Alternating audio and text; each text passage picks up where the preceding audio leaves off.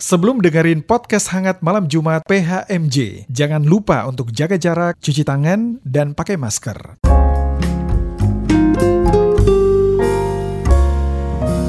Podcast hangat malam Jumat. Halo, selamat malam Sobat Hangat. Apa kabarnya malam ini? Semoga sehat selalu di mana pun Sobat Hangat berada saat ini. Malam ini Sobat Hangat kembali ditemani oleh saya, Ella. Hmm, udah gak asing ya sama suara saya ya pastinya ya. Mudah-mudahan gak asing. Dan kita dalam satu episode ini adalah episode yang aduh sungguh menarik sekali ini. Dan pastinya gak kalah menarik dari episode-episode sebelumnya. Malam ini PHMJ sudah kedatangan Ketua Majelis Jemaat GPIB Kasih Karunia, Bapak Pendeta Abraham Ruben Persa. Selamat malam Pak Pendeta, apa kabarnya hari ini? Menjua Kaila. Kok ketahuan dong saya orang karo. Selamat malam Kaila.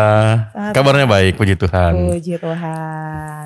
Kali ini Pak Pendeta beda nih ya. Kalau biasanya kan Pak Pendeta itu uh, adanya di awal perkenalan sama di akhir aja nih Pak Iya, Pendeta. iya, iya. Kalau kali ini Pak Pendeta bakal full nih. Kita bakal tanya-tanya sama Pak Pendeta. Hmm, Oke. Full kita akan tanya jawab tentang topik kita malam ini nih Pak Pendeta nih. Oke. Topik kita malam ini Pak Pendeta itu berkaitan dengan tanggal 4 April kemarin. Sobat Tangan ingat nggak 4 April kemarin kita merayakan apa?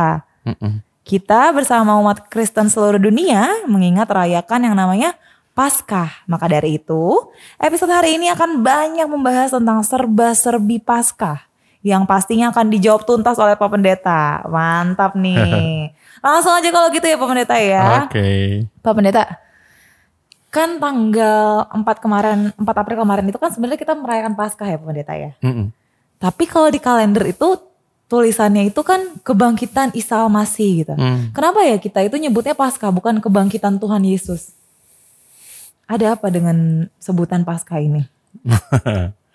Oke. Yang pertama memang kita harus pahami begini. Eh, kalender yang kita pakai itu adalah kalender yang jauh sebelumnya itu dibuat oleh Romawi. Nah, Romawi dan kita pakai itu eh, catatan sejarahnya mengatakan itu dipakai ketika eh, Romawi sudah jadi Kristen gitu. Sehingga ada istilah-istilah yang mungkin kita pernah baca, kita dengar. Misalnya A titik D, AD. AD itu Anno Domini, artinya tahun Tuhan. Oh, Kemudian eh, Masehi. Masehi itu sebenarnya adalah kal- kalender berdasarkan yang berangkatnya dari eh, Masehi itu hitungannya dari 0 eh, 0 tahun Masehi eh, abad pertama itu dari eh, peristiwa kelahiran Yesus gitu. Nah, jadi sebenarnya isi kalender itu banyak mencatat peristiwa-peristiwa dari eh, peristiwa Injil gitu ya, dari kelahiran dan seterusnya. Hanya saja kalender itu kemudian diberlakukan ke seluruh wilayah Kekaisaran Romawi yang kemudian Kekaisaran Romawi itu jatuh ke Persia, Persianya Islam. Lalu eh, kita dengar tuh ada eh, kalender eh, Hijriyah dan lain sebagainya gitu. Jadi dari pihak Muslim sendiri mereka pakai kalender sendiri. Nah untuk Indonesia karena Indonesia ini eh, salah satu bangsa dari sekian bangsa, dia pakai kalender yang internasional, kalender Masehi itu gitu. Nah, tapi kan ketika di Indonesia kan, maka mereka sebut itu kebangkitan, tapi mereka tidak sebut kebangkitan Yesus. Mereka pakai kebangkitan Isa Al-Masih. Al-Masih itu eh, di, di disesuaikan lah gitu dengan konteks kita gitu. Kalau di di kalender-kalender misalnya di luar negeri gitu di negeri barat itu disebut Easter biasanya atau Paskah terjemahannya. Tapi kalau untuk konteks kita yang memang mayoritas muslim maka dipakai istilahnya kebangkitan Isa Al-Masih. Jadi ada situasi itu yang perlu kita pahami gitu. Jadi kenapa kita enggak pakai Paskah? Jadi istilah itu ada di kalender. Nah kalau untuk kemudian kita kalangan gereja, kita menyebutnya kebangkitan Tuhan Yesus atau Paskah gitu.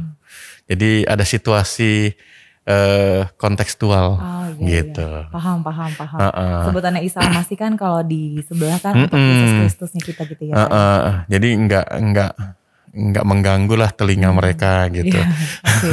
Kira-kira begitu. Oke, ya. oke. Terjawab, terjawab Pak Heeh. Pendeta. Nah, eh, kalau Paskah ini sendiri Pak Pendeta, ini kan termasuk salah satu eh, hari besarnya kita ya umat Betul. Kristiani ya. Paskah sama Natal lebih lebih penting yang mana nih Pak Pendeta nih? Kalau Kak Ella beli baju di mana? Di Natal. Berarti patokannya itu ya Pak Pendeta? Enggak, enggak. Eh, yang mau dibilang begini bahwa eh, tidak bisa kita mana yang lebih penting karena tidak akan terjadi yang namanya peristiwa Golgota kalau tidak ada Bethlehem juga. dan tidak ada maknanya Bethlehem kalau tidak ada Golgota gitu. Artinya kita melihatnya dalam satu keutuhan. Ah, Nah, maka itu juga sebagai pemahaman buat kita juga eh mohon maaf nih, kadang-kadang kan ada kelompok-kelompok yang mengajarkan begini, kita kan Kristen, kita pakai perjanjian baru saja gitu. Padahal pemahaman itu tidak tepat. Tidak tidak mudah kita memahami Yesus Kristus sebagai Mesias kalau kita tidak membaca Yesaya, kita tidak mudah untuk kita mengerti apa sih arti kematian itu di kayu salib kalau kita tidak membaca Kejadian pasal 3 ayat 15 misalnya. Jadi Alkitab sendiri mengajarkan kita untuk melihat dalam satu keutuhan karya Allah gitu. Kalau dibilang mana yang lebih penting, dua-duanya penting. Betul. Begitu. Betul-betul. Bahkan apa yang sudah Yesus lalui itu sudah tercatat sebelum-sebelumnya, jauh sebelum-sebelumnya Pak Pendeta ya. Dinubuatkan namanya. itu. dibuatkan Iya. betul. Itu keren banget sih saya waktu mengetahui itu langsung kayak iya kita tuh harus memahami ini tuh full seluruhnya gitu karena ini semua tuh bagian dari grand desainnya Allah gitu kan ya Pendeta. Betul saya ya. Makanya tadi kan saya sapa Mejojua kan, Oh, iya, supaya mengingat ada rootnya. Ah itu dia. Kan siapa tahu tahun depan Ella udah di Amerika gitu kan, kita nggak nggak nggak kayaknya- capture. Iya kayak begitu. Oke oke oke. Tapi eh, kalau mer- merayakan Natal itu kan kayak udah wajib gitu ya Pak Pendeta ya. Gereja pasti ramai banget tuh kalau kalau Natal. Paskah ini juga sewajib itukah kita untuk merayakannya? Nah itu eh eh, ada beda antara apa istilahnya itu ya eh, selebrasi dengan dengan esensi gitu ya. Maksudnya gini, eh, sebenarnya kan yang buat rame Natal dan Paskah itu kalau boleh kita bicara lebih terus terang begitu ya. Yang lebih rame itu kan soal marketing sebenarnya dan soal eh, peluang untuk dalam tanda petik jualan. Eh, kami waktu di Singapura itu sudah udah ngerti itu masyarakat Oktober akhir itu lampu-lampu, hiasan lampu, toko segala macam itu udah pasang tuh pernak-pernik Natal. Iya betul. Kenapa? Saya sempat tanya waktu kami tahun pertama di Singapura itu kenapa? Karena mereka mau menjaring banyak orang beli gitu. Suasana Natal segala macam gitu. Artinya yang mau dibilang bahwa kita sebagai orang Kristen dan gereja eh, bisa memilah gitu ya bahwa Natal itu harusnya maknanya dulu dipahami, lalu kemudian itu dikemas dalam bentuk ritualnya, lalu atribut, ornamen dan sebagainya itu mengikuti. Ah, betul. Jangan terbalik. Orang kan lebih sibuk, ah nanti tahun ini gue mau pilih baju warna merah gitu. Merahnya merah begini. Kalau nggak ada kita cari sampai seluruh mall Indonesia gitu kan. Kan kayak begitu. Nah sampai udah capek nyari, akhirnya lupa jam ibadah Natal. Wah, Ya seperti itu. Betul, betul. Nah, nah it- itu yang pertama. Kemudian yang kedua, eh, kenapa Natal sepertinya lebih meriah gitu ya? Karena Natal itu bisa dirayakan sebelum tanggal 25 dan sesudah tanggal 25. Jadi rentang waktunya tuh banyak gitu. Terus Natal itu bisa dilaksanakan di lingkungan keluarga, di lingkungan kantor, di lingkungan apalah pokoknya bikin eh, judulnya Natal gitu. Dan judulnya rame-rame, ada pohon Natal, ada topi sinterklas segala macam. Pokoknya bikin sebanyak-banyaknya gitu. Terus waktunya bisa eh, malam minggu atau minggu siang gitu, lebih fleksibel. Betul. Terus pakai bajunya bisa banyak pilihan. Mau eh, dress code-nya warna merah, warna hijau, motifnya motif apa? Pohon Natal, macam-macam gitu. Lebih lebih banyak peluangnya gitu. Makanya Natal lebih rame gitu. Terus pernak-perniknya banyak. Eh, mulai dari palungan, domba, kemudian bola-bola emas atau apa macam-macam gitu kan. Eh, itu itu Natal, sangat-sangat banyak, sangat kaya. Tapi kalau Paskah, Paskah jarang kita lakukan perayaan itu eh, di luar. Ada tapi jarang gitu ya. Di luar pas hari Paskahnya. Kemudian waktu perayaannya itu subuh pula gitu. Betul. Enggak semua bisa bangun. Niat bangunnya ada, tapi bisa bangun enggak gitu. Terus kemudian kalau dibilang untuk eh, pernak-perniknya, ornamennya apa? Paling kubur kosong. Kubur kosong kalau dipakai sebagai motif di pakaian kan nggak bagus gitu kan. Nah, terus Belum pernah saya lihat Pendeta. belum pernah. Belum pernah. Kalau mau lebih agak sedikit eh, hard rock gitu, tengkorak gitu. Nah, itu kan itu kan eh, kurang apa? Kurang menjual gitu kan. Terus paling kalau ini salib gitu. Ya terlalu sedikit untuk dikreasikan. Nah, terus itu soal waktu tadi gitu. Nah, eh, hal yang lain lagi, Natal itu kan kelahiran gitu. Kelahiran biasa kalau kelahiran kan seneng gitu kan pesta. Nah kalau pasca dia harus bicara kematian. Nah suasana itu juga yang kadang-kadang orang susah untuk mengekspresikan. Jadi eh, semua unsur inilah yang membuat banyak orang termasuk gereja dan orang Kristen sehingga apa yang dibuat itu jadi berbeda gitu loh. Natal jadi lebih wah, kemudian pasca ya syukur-syukur bisa bangun gitu kayak gitu. Padahal sebenarnya itu tadi ya, dia satu paket, maknanya sama, penting sama pentingnya gitu. Oke. Terjawab ya berarti ya kenapa di mall itu kalau Desember ada lagu Natal tapi kalau bulan-bulan kayak gini tuh nggak ada lagu Paskah gitu ya. Jadi kan mereka pakai topi Sinterklas, Betul. warnanya merah gitu. Kalau pasca kan susah. Nah, Mau pakai disalib kan nggak Iya, nggak mungkin. Atau pakai bunga mahkota duri kan nggak mungkin gitu kan. saya nggak bisa ngebayangin Iya. ya. Nah seperti itu. Oke oke oke terjawab terjawab terjawab makin menarik nih makin menarik. Nah Pak Pendeta mau nanya lagi nih. Kalau eh, ini kan sebutannya perayaan Paskah gitu ya Pak Pendeta ya. Sebutannya perayaan Paskah. Tapi kalau kita lihat di Alkitab ya Pak Pendeta, sebelum Yesus itu lahir pun, sebelum Yesus itu eh, mati di kayu salib dan kemudian bangkit dan kemudian itu disebut sebagai Paskah, udah ada nih sebutan Paskah ya kan Pak Pendeta di Betul. Alkitab kan ya. Nah itu tuh sama gak sih Pak Pendeta dengan Paskah yang kita rayakan saat ini? Iya. eh di Alkitab jelas kita tidak bisa lepaskan bahwa orang Yahudi merayakan yang namanya Paskah atau Pesyah bahasa aslinya.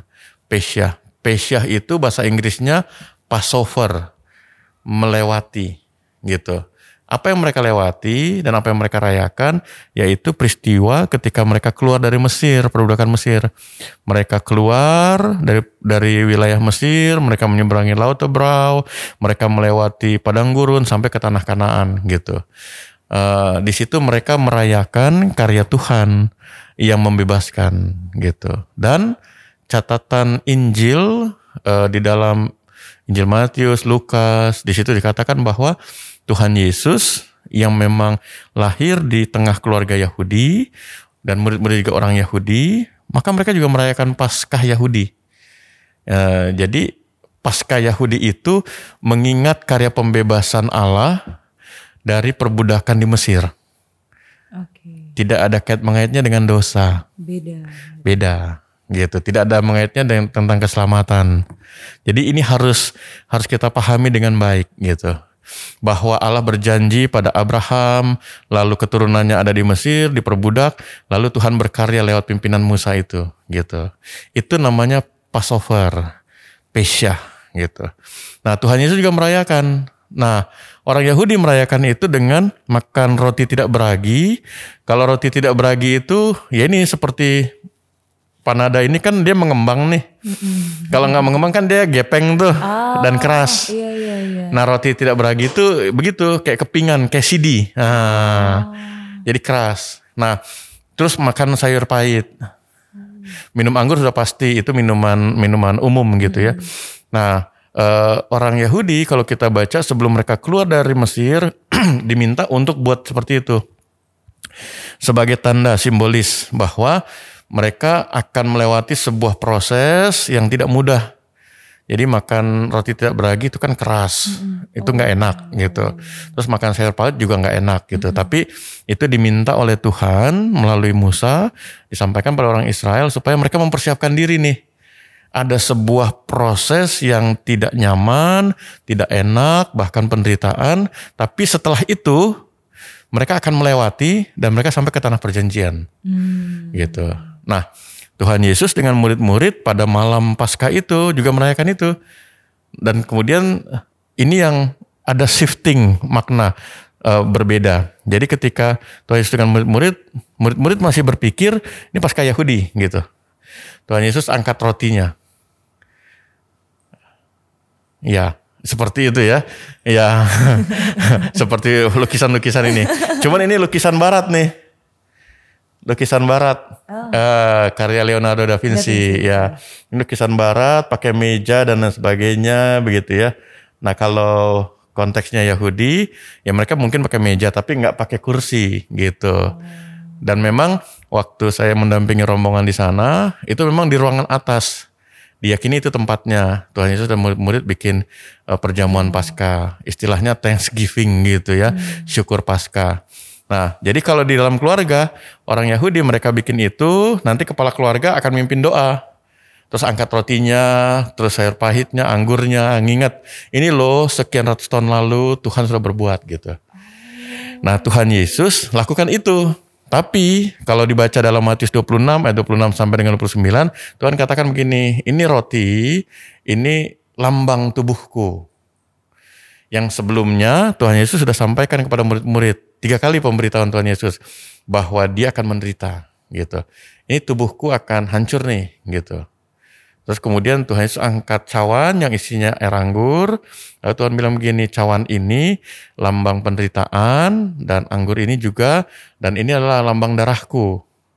Nah itu shiftingnya di situ antara Paskah Yahudi dengan Paskah Kristen, sehingga orang Kristen tidak merayakan Paskah Yahudi yang makan apa roti tidak beragi dan eh, sayur pahit gitu. Tapi orang Kristen memakai roti dan anggur yang memaknainya sebagai tubuh dan darah Kristus. Yang kemudian dalam beberapa jam setelah perjamuan malam itu, Tuhan Yesus ajak murid-murid ke Taman Getsemani, berdoa, ditangkap, pengadilan yang tidak adil, kematian di kayu salib, dan kebangkitan. Jadi shiftingnya di situ. Wah ini saya baru tahu nih Pak Pendeta. Ba- Baru tahu ya? Baru tahu saya. Yang lain Ya. udah tahu, udah dari lama. Iya. Berarti bukan cuma saya. Mungkin ini sobat hangat semuanya juga baru tahu Iya, sama kayak saya. iya, Langsung tercengang loh ini saya. Iya. Oh ternyata itu ada Mm-mm. ada shifting yang Iya, di situ. sangat menarik di situ. Tuhan Betul. Yesus keren banget ya. Betul, betul. Luar biasa, luar biasa, luar biasa.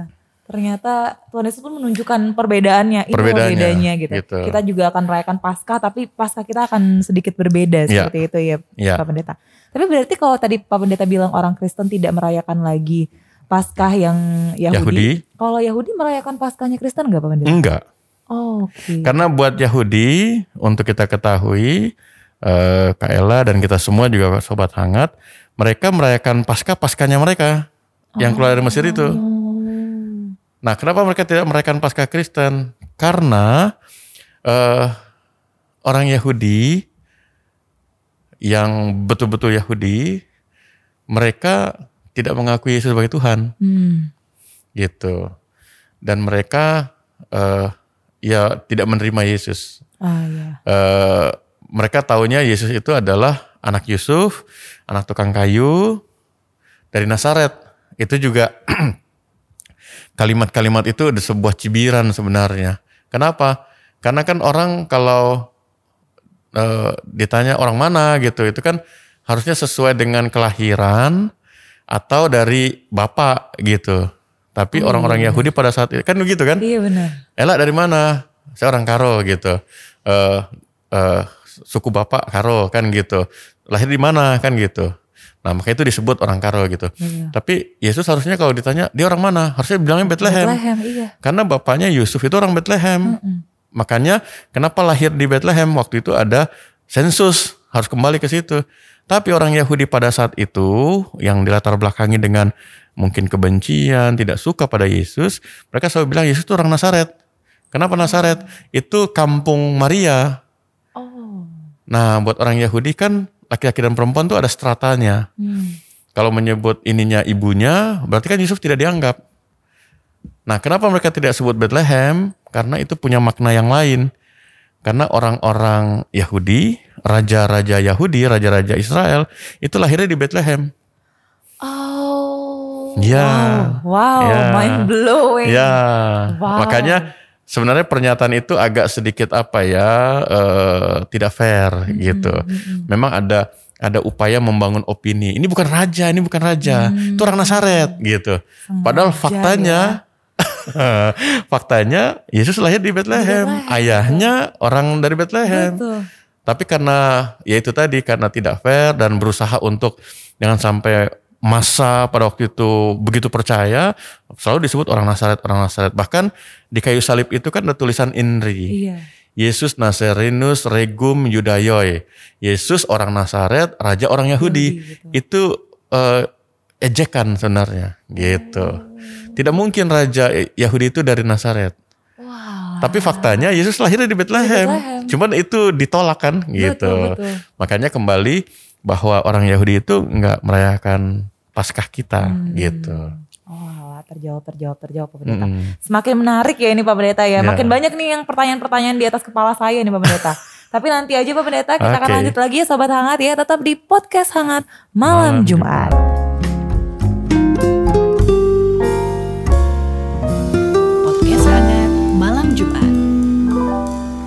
Balik lagi di Podcast Hangat Malam Jumat. Nah, sebelumnya kan kita udah denger ya apa itu perayaan Paskah yang kita rayakan saat ini dan sejarahnya. Tapi, aduh saya lupa banget nih tadi ngucapin selamat Paskah nih ke Sobat Hangat nih. Masih belum terlambat ya Sobat Hangat ya. Selamat Paskah Sobat Hangat semuanya. Selamat Paskah Kayla. Happy Easter. Ah, happy Passover. yang bener yang mana nih Pak Pendeta nih? happy Happy Easter atau Happy Passover di bahasa Inggrisnya yang bener nih Pak Pendeta nih?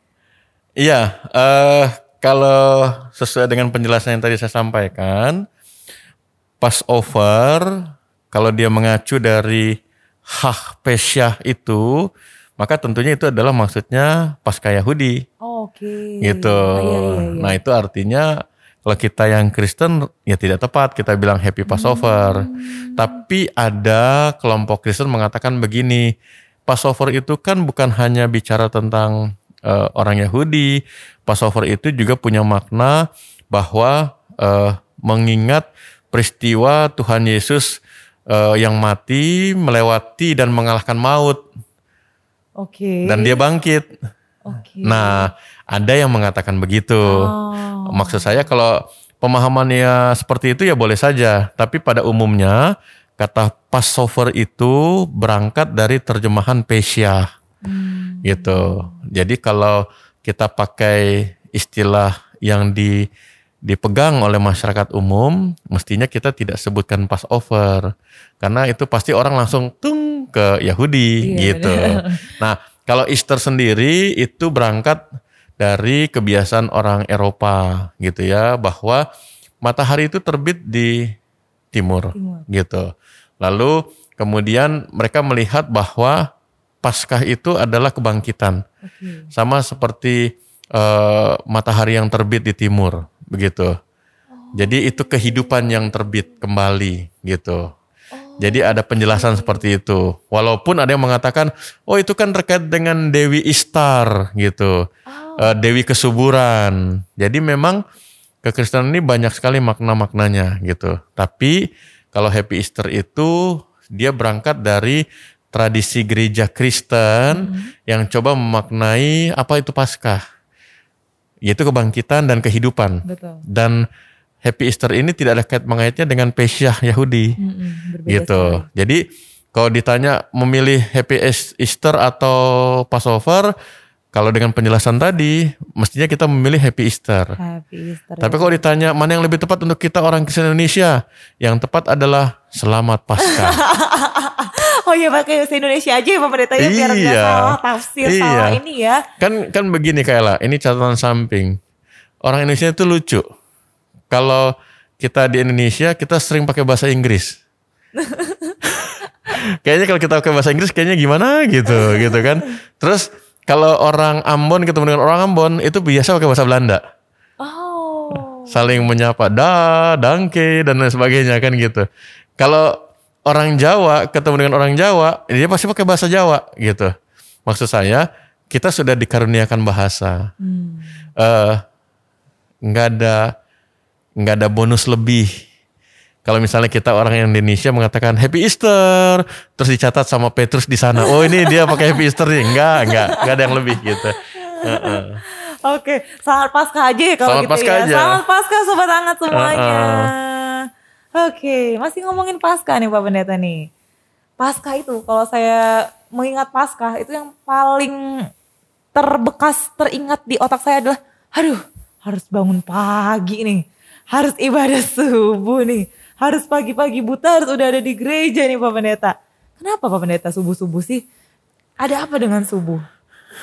Jadi dengan bangun subuh kita bisa mengerti eh, betapa bergumulnya kita ya untuk bangun pagi ya. Itu baru bangun pagi. Baru bangun pagi. Ya. Nah, bagaimana kalau eh, kita membayangkan yang sudah mati terus bangkit gitu. Berarti kan itu lebih dahsyat gitu. Iya. Dan sebenarnya kenapa kita merayakan di subuh itu berangkat dari tradisi Injil. Di mana di situ dikatakan ini menarik nih. Eh Kak Ella dan seluruh kaum perempuan se dunia podcast yang sedang mendengar gitu ya. Kalau mau berbangga, saya katakan silakan berbangga. Karena catatan Injil katakan apa? Yang pagi-pagi benar pergi ke kubur Yesus itu perempuan. Oh iya benar. Dan catatan samping di Alkitab itu banyak sekali catatan dan itu tidak dibuat-buat. Perempuan itu banyak sekali menjadi yang pertama untuk memberitakan, untuk menjadi saksi, untuk tindakan-tindakan yang eh, bisa dibilang krusial gitu. Tapi nggak tahu kenapa begitu ya. eh, ada banyak perempuan yang tidak menyadari itu gitu.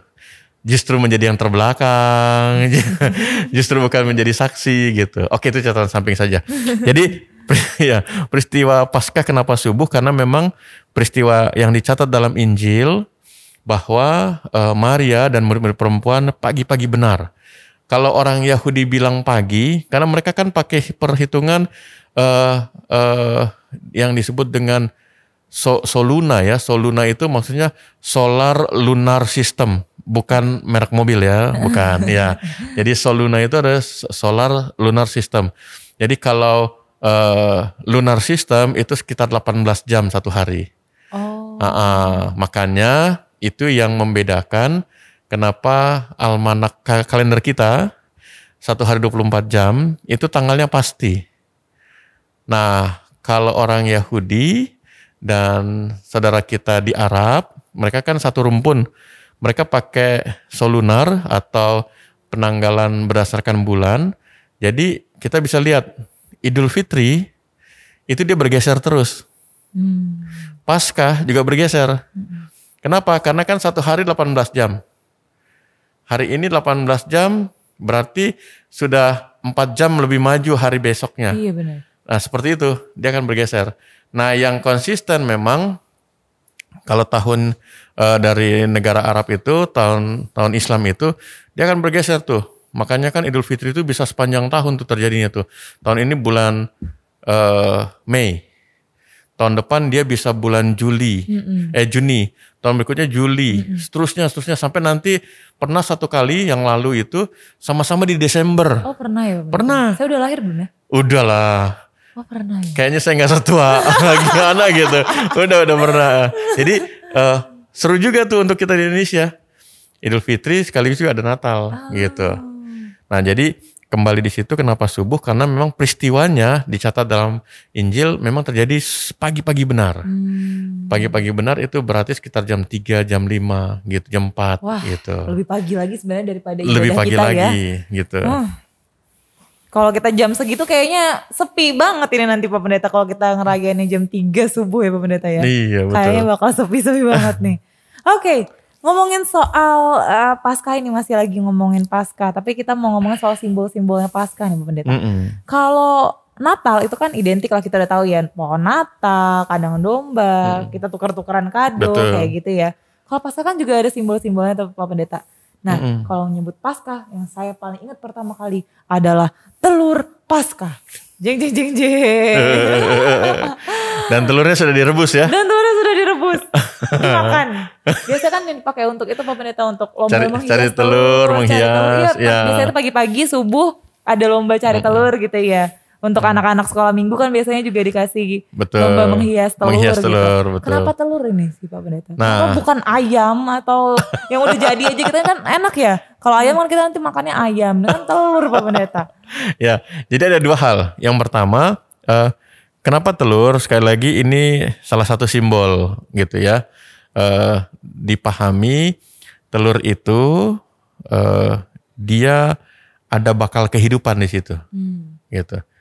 Ada bakal kehidupan ketika dia dierami, dia dierami sekian waktu, lalu kemudian dia menetas. Nah, proses itulah juga yang dimaknai dengan peristiwa kematian Yesus. Tiga hari dia mati, lalu dia bangkit. Dia sempat di alam maut begitu. Nah itu maknanya. Kalau ayam kan enggak. Oh iya benar. ah iya benar. Nah itu jadi eh, mati tapi kemudian dia hidup gitu. Dia bangkit gitu. Itu satu hal. Nah hal yang lain yang ini juga jadi persoalan menurut saya dan menjadi refleksi kita.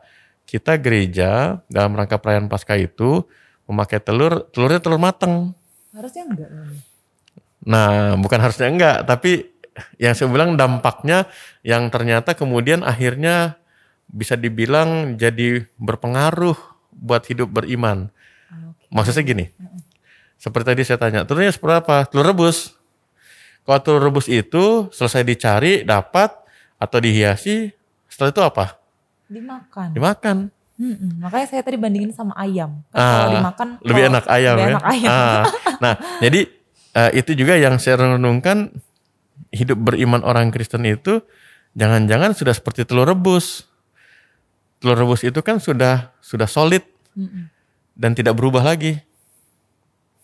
Dan kalaupun dia bisa dijadikan alat untuk eh, acara gitu, ya gereja seperti itu juga.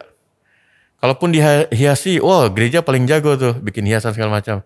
Tapi setelah itu apa? Setelah itu termakan dengan zaman, dengan apa gitu. Artinya ketika telur rebus itu ya sudah tidak ada kehidupan sebenarnya di dalam itu. Iya. Jadi Gitu. bergeser maknanya. ya. Bergeser maknanya. Cuman kan susah ketika anak-anak PA dibilang, ayo kita cari telur.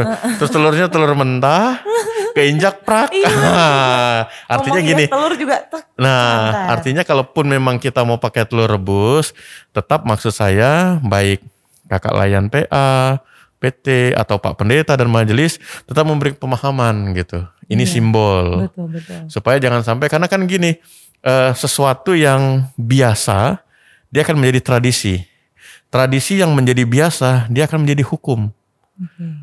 Sama seperti Pak Jokowi bilang waktu Lebaran tahun pertama disampaikan di sidang majelis MPR, DPR, dia katakan begini, tahun pertama saya Lebaran, eh, protokol istana katakan Pak Presiden berdiri di sini katanya untuk full, apa open house. Tahun kedua juga begitu. Akhirnya tahun ketiga saya, saya bilang kata Pak Jokowi, saya nggak mau berdiri di situ. Protokol kaget, loh kenapa Pak? Iya, ini nanti akan jadi kebiasaan, jadi tradisi dan jadi hukum. Hmm. Padahal ini kan soal berdiri saja. Hmm. Nah, ini yang perlu untuk kita pahami. Iya iya iya. Banyak hal juga dalam kehidupan kita bergereja, dalam hidup beribadah. Contoh misalnya, eh di gereja itu kalau pasca kita buat eh, apa dekorasi kubur Yesus gitu. Eh tahun ini ditaruh di pojok sana, tahun berikutnya taruh di pojok sana lagi. bentuknya kuburnya seperti ini. Lama kelamaan itu jadi hukum. Nanti ketika pendeta bilang nggak perlu kubur kosong, wah ini pendeta sesat nih. Padahal sebenarnya kubur kosongnya yang sesat kan gitu kan, nah, seperti itu. Atau sebenarnya pohon Natal misalnya, Pak Pendeta biasanya kami pohon Natal itu eh, minggu terakhir November udah pasang gitu. Kalau ditanya alasannya apa, ya biasanya begitu. Eh, kita pasang nanti pertengahan Desember. Wah nggak bisa Pak Pendeta. Nah seperti itu. Jadi ada hal-hal yang tidak prinsipal tapi jadi kebiasaan, akhirnya malah menggeser makna Betul. gitu. Betul sini. Sini saya saya serius nih. eh, saya baru tahu telur pasca itu harusnya telur yang tidak belum mateng dan maknanya seperti itu Pak Pendeta. Karena saya dari dulu dari kecil itu nggak pernah ada yang memberitahu. Iya. Rasa-rasanya penting sekali kayaknya kita memberitahu nih ke yang masih Iya. muda-muda nih atau Betul. mungkin sobat-sobat hangat yang juga belum tahu gitu Iya. mungkin bisa dikasih tahu ke Iya. orang-orang lain yang belum tahu karena Iya. penting sekali gitu ternyata maknanya Iya, ya. iya. Ada maknanya sekali gitu. Betul. Jangan sampai seperti yang Pak Pendeta sampaikan tadi, pergeseran makna ini akan jadi hukum gitu. Mm, Ketika itu Betul. salah dan kita pakai terus kan Iya. malah jadinya ah tidak baik gitu ya Betul, Pak Pendeta ya. betul. Terima kasih loh Pak Pendeta. Malam ini tercerahkan kembali nih Pak Pendeta nih. Selain telur pasca nih Pak Pendeta, ada lagi nih Pak Pendeta nih. Easter Bunny Pak Pendeta Iya. kelinci pasca. Itu tuh kalau saya lihat ya kayak itu kayak Santa Clausnya Natal ya Pak Pendeta ya. Mirip-mirip ya itu Pak Pendeta ya. Kalau itu itu itu kenapa sih harus ada si Easter Bunny ini? Catatan sederhananya begini, bahwa kelinci itu adalah salah satu hewan yang lebih lama bertahan hidup, kemudian eh, untuk berkembang biak tuh banyak gitu. Kalau satu kali beranak gitu, itu banyak gitu, dan dan sangat subur, sangat subur gitu ya untuk kelinci. Nah, kembali ini kepada pemaknaan simbol dan ini eh, dari dunia barat tentunya gitu ya. Orang barat itu sangat kreatif dengan simbol-simbol itu. Jadi yang mau dimaknai kenapa eh, pakai kelinci pasca itu, Easter Bunny itu, mereka memaknai begini. Itu adalah simbol dari pasca bahwa dari kematian ada kebangkitan, dari kebangkitan itu ada kehidupan. Oh. Dan kehidupan itulah yang kemudian makin apa gitu. Iya, iya, iya. Nah, seperti itu gitu bahwa eh, kelinci pasca dipakai sebagai simbol gitu. Sama seperti eh, Santa Claus, Santa Claus itu kan sebenarnya tidak ada kait mengaitnya dengan pasca eh, dengan Natal, Hmm. tidak ada kait mengaitnya dengan Bethlehem. Tapi Santa Claus itu adalah figur di dunia barat yang memang eh, orang tua yang sangat mengasihi, eh, tulus gitu ya dan mau memberi yang baik gitu dan itu kemudian dimaknai sebagai itulah bentuk kasih Allah dengan dia mau menjadi manusia gitu. Cuma masalahnya itu tadi ya seperti percakapan kita di awal, simbol-simbol itu sekarang lebih lebih dijual belikan, Hmm. Lebih dikomersilkan. Sehingga akhirnya orang kalau sudah eh, Natal cari Santa Claus, Iya. tanpa lagi memahami Sinterklas, tanpa lagi memahami maknanya gitu. Atau kalau pasca oh kita nanti cari baju motifnya kelinci ya gitu, tanpa memahami maknanya gitu. Iya. Ternyata ada artinya juga Ada, ini. iya. Gak asal-asalan ya ternyata Betul, ini semua betul. ya. Satu lagi Pak Pendeta. Hmm, Kalau Jumat Agung itu kan identik sama warna yang gelap-gelap. mm-mm. Hitam gitu katakanlah. Kalau Pasca itu kan identiknya sama warna putih. Kenapa warna putih Pak Pendeta? Iya, pasca warna putih, Jumat Agung hitam gelap karena eh, Jumat Agung itu memperingati peristiwa kematian gitu ya duka ya. Duka itu kan eh, biasa di, di diwakili dengan warna gelap gitu ya, dirundung kegelapan, kesedihan gitu, kemuraman gitu. Nah kalau putih sebenarnya lebih ada dua hal. Yang pertama itu eh, bersih, cerah begitu. Kemudian yang kedua lebih kepada apa ya eh, sesuatu yang baru gitu. Jadi ketika Paskah itu dirayakan dengan atau disimbolkan dengan warna putih, eh, mau dikatakan bahwa lewat lewat kematiannya ada ada proses pembaharuan.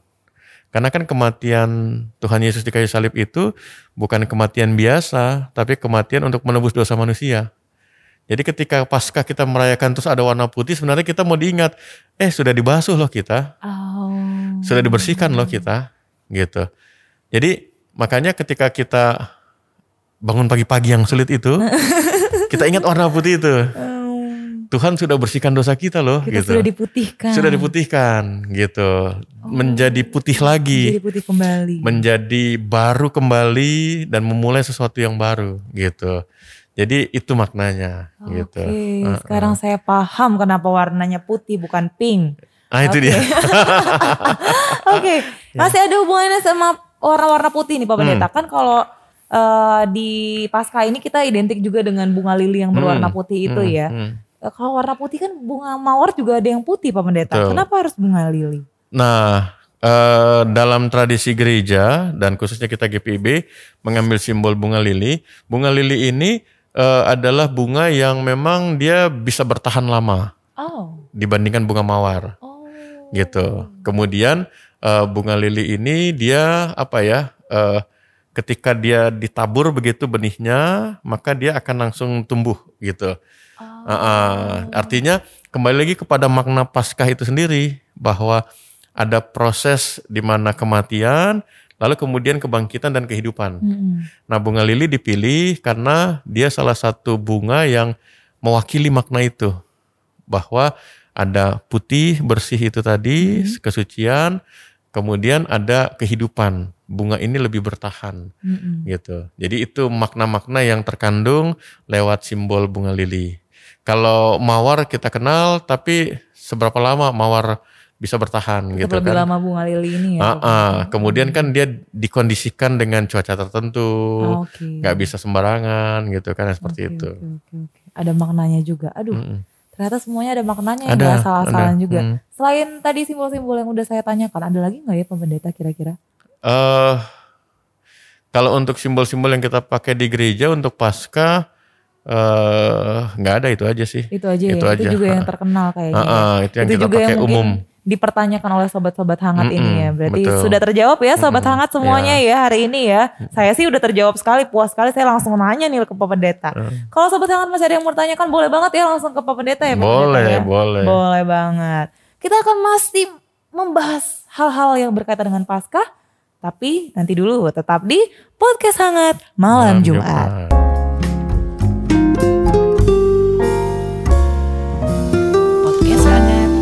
Jumat. Kembali lagi di podcast hangat malam Jumat.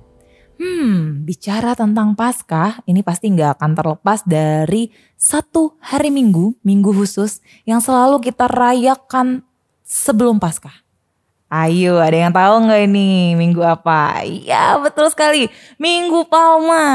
Sobat hangat, tahu nggak apa itu Minggu Palma? Sebenarnya Minggu Palma itu udah masuk ya di beberapa peristiwa di Alkitab gitu. Kalau sobat-sobat kalian mau lihat mungkin ada di Markus 11, Matius 21, Lukas 19, Yohanes 12, seperti itu ya. Pak Pendeta, langsung aja nih nanya. Mm. Minggu Palma itu sebenarnya apa sih? Apa sih yang kita ingat rayakan di Minggu Palma ini? Iya, eh, jadi benar yang tadi Kak Ella sebut ayat-ayatnya itu dari Injil Markus, Matius, dan Lukas serta Yohanes gitu ya. Dan kita kita eh, dikasih karunia khususnya dan juga gereja-gereja sedunia kita di tahun ini baru merayakan Minggu Palma di tanggal 28 Maret. Nah, Minggu Palma, Minggu Palma itu eh, dirayakan sebagai tanda satu minggu atau beberapa hari dalam minggu itu eh, terjadinya peristiwa eh, penyalipan Hmm. dan kebangkitan gitu. Nah, kenapa dibilang eh, apakah itu dalam liturgi Kristen? Ada Hmm. gitu di seluruh dunia itu menjadi salah satu eh, ibadah Hmm. yang dilakukan dalam rangkaian masa raya Paskah gitu. Jadi dimulai dengan Minggu Palma. Minggu Palma. Nah kalau yang beberapa waktu lalu podcast juga sempat membahas 40 atau 46 hari sebelum Paskah itu ada yang namanya Rabu Abu Betul, gitu ya.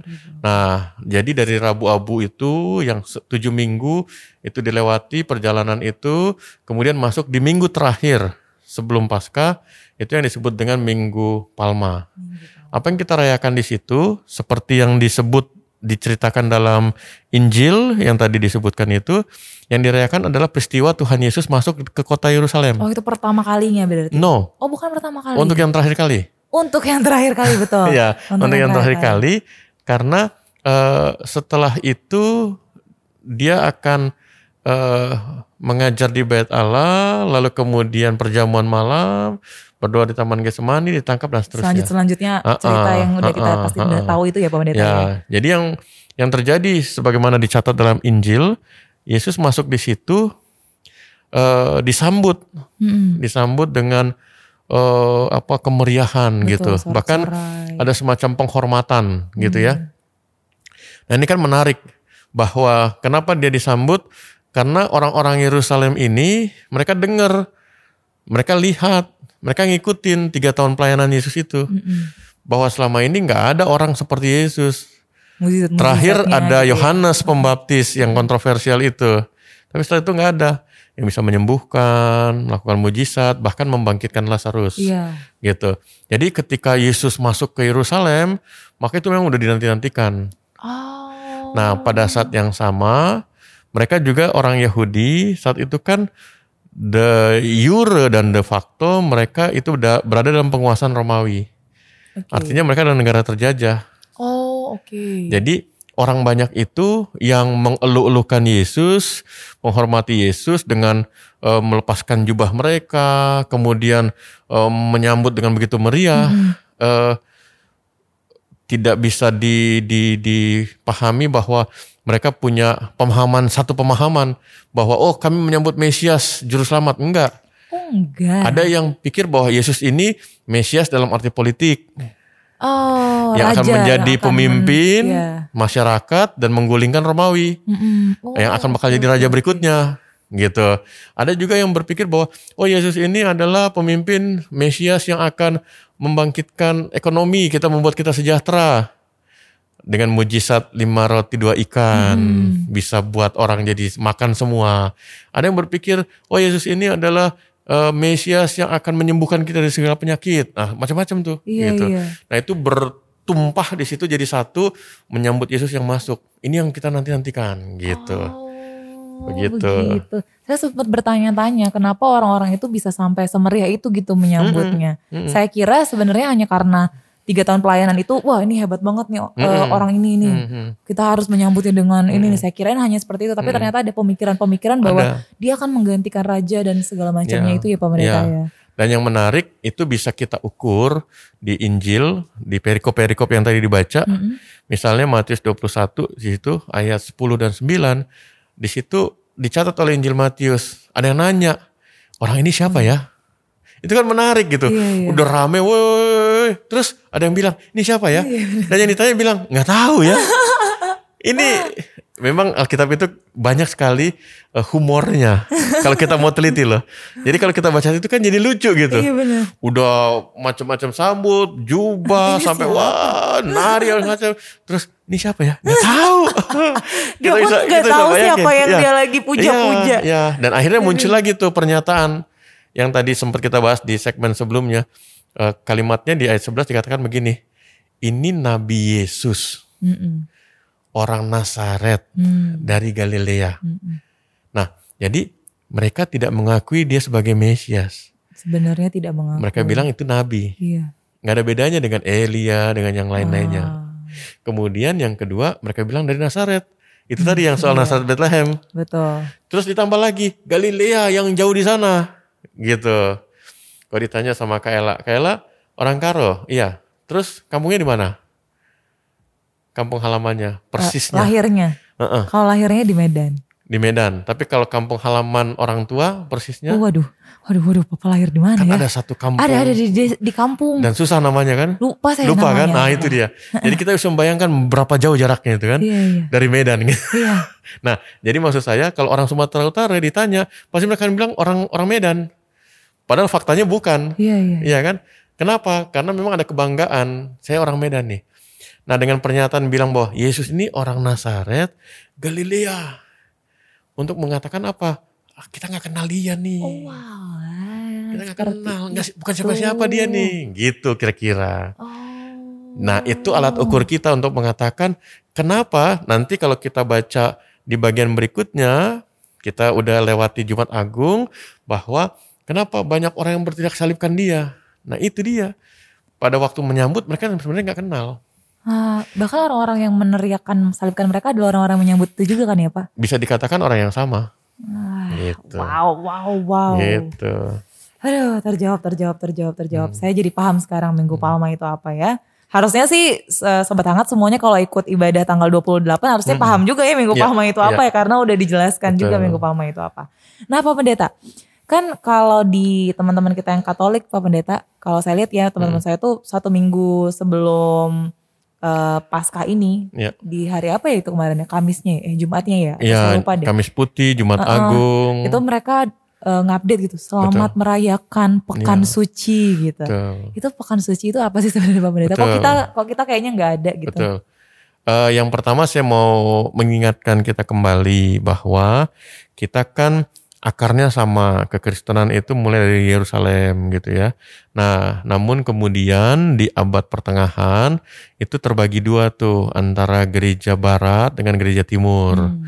Makanya kita kenal ada gereja Katolik dengan Ortodoks. Mm-mm. Nah, kemudian dari abad 15 itu sendiri terbagi lagi tuh yang Katolik barat ini antara yang Katolik dengan Protestan. Nah, apa sih perbedaan yang paling mendasar Katolik dengan Protestan? Perbedaannya begini, kalau Katolik lebih menekankan soal sakramen, Hmm, ritual. ritualnya gitu. Makanya kalau kita masuk gereja, katedral, banyak sekali tuh kiri kanannya di dindingnya, di pilarnya, berbagai ornamen. Oh, saya belum pernah kata. Oh belum pernah ya. Boleh kita nanti Ntar deh. kita eh, ini lihat gitu ya. Iya. Terus kalau kita lihat misalnya waktu pasca ya atau eh, ibadah-ibadah yang disiarkan langsung dari eh, Vatikan, dari Basilika Santo Petrus, nah, kita bisa lihat eh, bagaimana paus itu sekarang Paus Fransiskus dia punya jubahnya itu itu berlapis-lapis tuh. Oh. Topinya pun ada macam-macam. Topinya juga ada macam-macam gitu. Nah, eh, kenapa? Karena memang teologinya itu sakramen. Hmm. Dia menunjukkan itu dengan simbol gitu. Nah, kalau Protestan itu teologinya firman. Jadi lebih kepada pengajaran, eh, ritual, kemudian yang sifatnya apa namanya eh, atribut itu kurang gitu. Hmm.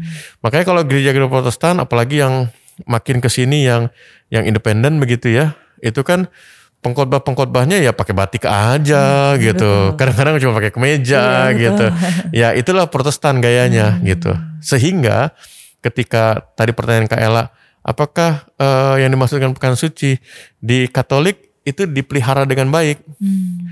bahwa berangkat dari peristiwa Injil, ada Minggu Palma, lalu beberapa waktu setelah itu Tuhan Yesus eh, merayakan Pesya, itu dipahami sebagai Kamis Putihnya, lalu kemudian kematian Tuhan Yesus itu Jumat Agung, lalu kemudian penantian kebangkitan itu Sabtu Teduh, lalu kemudian Minggu Paskah. Oh, benar-benar dirayakan ya Iya, betul-betul dipelihara dirayakan Oh, gitu. oke. Itu untuk Katolik.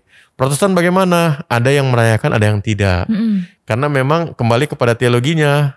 Karena Protestan bukan kepada ritualnya, bukan kepada seremoninya, tapi lebih pada pengertiannya Hmm. gitu. Tapi kalau boleh saya update begitu ya, eh, makin ke sini Protestan juga mulai banyak yang coba membangun kembali Iya. eh apa namanya ritual itu. Kenapa? Karena memang itu alkitabiah Oh iya betul gitu. juga ya. Kecuali yang Rabu Abu ya, Ah, Rabu Abu karena Rabu Abu memang ada ya. bukan peristiwa alkitabiah, Lebih ke budaya. berarti. lebih kepada mungkin tafsiran ya, Hmm. tradisi gereja. Tapi kalau yang namanya Minggu Palma itu jelas. Kemudian yang namanya perjamuan itu jelas. Itu jelas, betul. Kemudian kematian itu jelas. Kemudian Sabtu Teduh juga itu jelas. Karena setelah Yesus disalib, murid-murid itu kan berkumpul, Iya, diam. betul. Itu dalam diam keteduhan itu. Silentness begitu di situ kan. Nah, jadi eh, kenapa orang Katolik menyebutnya pekan suci?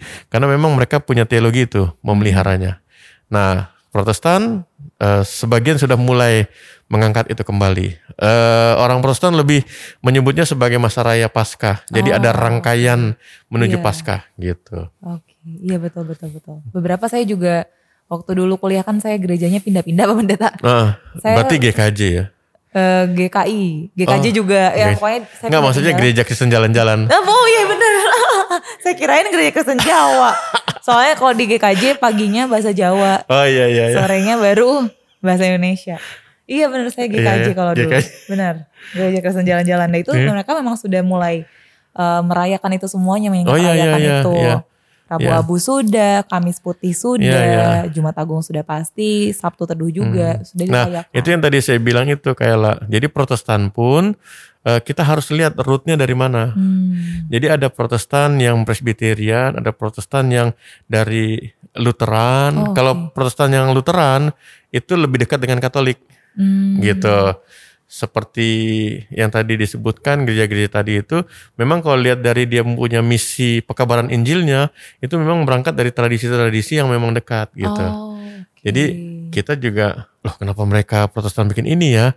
Nah itu tadi pentingnya sejarah. iya betul. kita betul. ngerti gitu. Terjawab, terjawab. Mm-mm. Hari ini kayaknya temanya adalah menjawab pertanyaan saya semuanya. menjawab keraguan-keraguan di otak saya pribadi nih kayaknya mendatang. Gak apa-apa lah ya. Gak apa-apa. Sepertinya juga sobat Mewakili hangat. yang lain-lain juga iya, kan? benar. Iya. Semoga sobat hangat juga mempertanyakan itu Iya, ya. iya betul.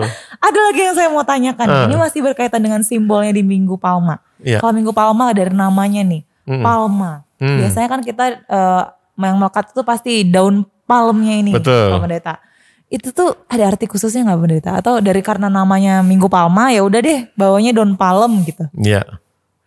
Kalau kita lihat lukisan atau patung setengah badan atau film-film Romawi, Mm-mm. maka yang namanya eh, Caesar atau pemimpin atau ya katakanlah pejabat dan juga pemenang selalu ada daun pal- palem di sini. Oh. Bukan dikasih medali ya, tapi dikasih ini kayak semacam mahkota dari daun palem itu, Hmm. yang kecil-kecil itu. Artinya apa? Eh, daun palem itu tentu bukan daun palem yang besar gitu ya ditaruh di kepala. Tapi yang kecil-kecil itu, ya daun palem itu memang untuk orang Romawi, untuk orang Asia Tengah dipahami sebagai simbol kemenangan, Oke. Simbol pemuliaan, Hmm. penghormatan. Wah dia juara satu gitu. Dulu sejarahnya Olimpiade yang menang itu dikasih daun palem itu, Oh. gitu. Oh, iya, Kalau iya. kita lihat foto, ya foto, gambar atau patung setengah badan dari Kaisar Romawi, maka rata-rata tuh pakai daun palem sebagai menegaskan bahwa mereka tuh terhormat mulia. Ya kemudian yang kedua, eh, daun, kenapa daun palem ini dijadikan semacam simbol kemenangan? Karena memang daun palem ini eh, ternyata memang eh, bertahan lama eh, satu tumbuhan yang bisa bertahan dari musim semi, musim salju, Hmm. dia bisa bertahan Hmm. gitu. Jadi eh, tanaman yang cukup kuat begitu. Sehingga itu diambil sebagai simbol baik oleh orang Romawi maupun juga kemudian oleh gereja gitu. Nah, eh, peristiwa peristiwa Tuhan Yesus masuk ke ke Yerusalem disambut dengan palem, tentu beberapa penafsir mengatakan oh itu pengaruh dari Romawi gitu ya Oh, sebagai iya, iya. ungkapan sorry. Nah, buat kita gereja, kita pahami bahwa ya karena itu terjadi seminggu sebelum Paskah, maka itu tanda bahwa sebagai kemenangan, tanda kemenangan yang akan kita raih Mm-mm. ketika kita beriman pada Yesus melewati kematian dan kebangkitannya. Wah. Itu maknanya. Wah, Mm-mm. saya kira sekedar aja gitu palem karena namanya Minggu Palma ya udah sekalian aja palem gitu. ternyata, ternyata enggak ya. Kalau di Minggu Palma Pak Pendeta itu ada bacaan khususnya enggak? Atau bacaan-bacaannya itu dari yang tadi di awal saya semput sebutkan itu ya dari Markus, Matius, Lukas, Yohanes itu aja atau ada bacaan khusus lainnya gitu Pak Pendeta? Iya, yang utama itu bacaan-bacaan yang dari Injil tadi yang disebutkan tadi. Hmm. Kalaupun mau ditambahkan, biasanya bacanya itu dari Mazmur. Oh. Misalnya Mazmur 118 gitu ya. tentang apa ya itu Pak Pendeta? Ya, tentang pemuliaan, kehormatan, puji-pujian gitu. Tapi biasanya nggak akan jauh-jauh dari ini ya berarti ya. Betul. Kalau ininya eh, tata ibadahnya berbeda kah Pak Pendeta?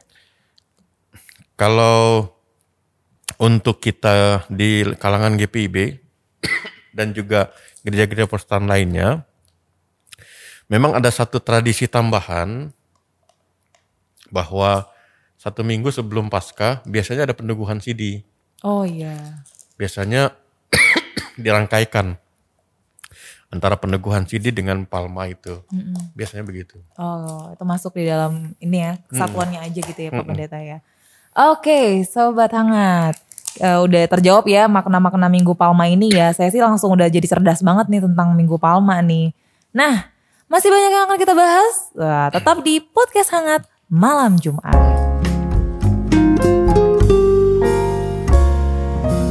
Podcast hangat malam Jumat. Halo sobat hangat, masih bersama kami di PHMJ, podcast hangat malam Jumat. Hmm, setelah Tuhan Yesus mati di kayu salib, Yesus kemudian menampakkan dirinya ke beberapa murid. Kita tanya ke pendeta nih ya langsung ya, Pak pendeta. Mm-mm. Berapa kali sih Yesus itu menampakkan diri kepada murid-muridnya dan sebenarnya tujuannya apa untuk menampakkan diri itu? Oke. Kayaklah hitung ya.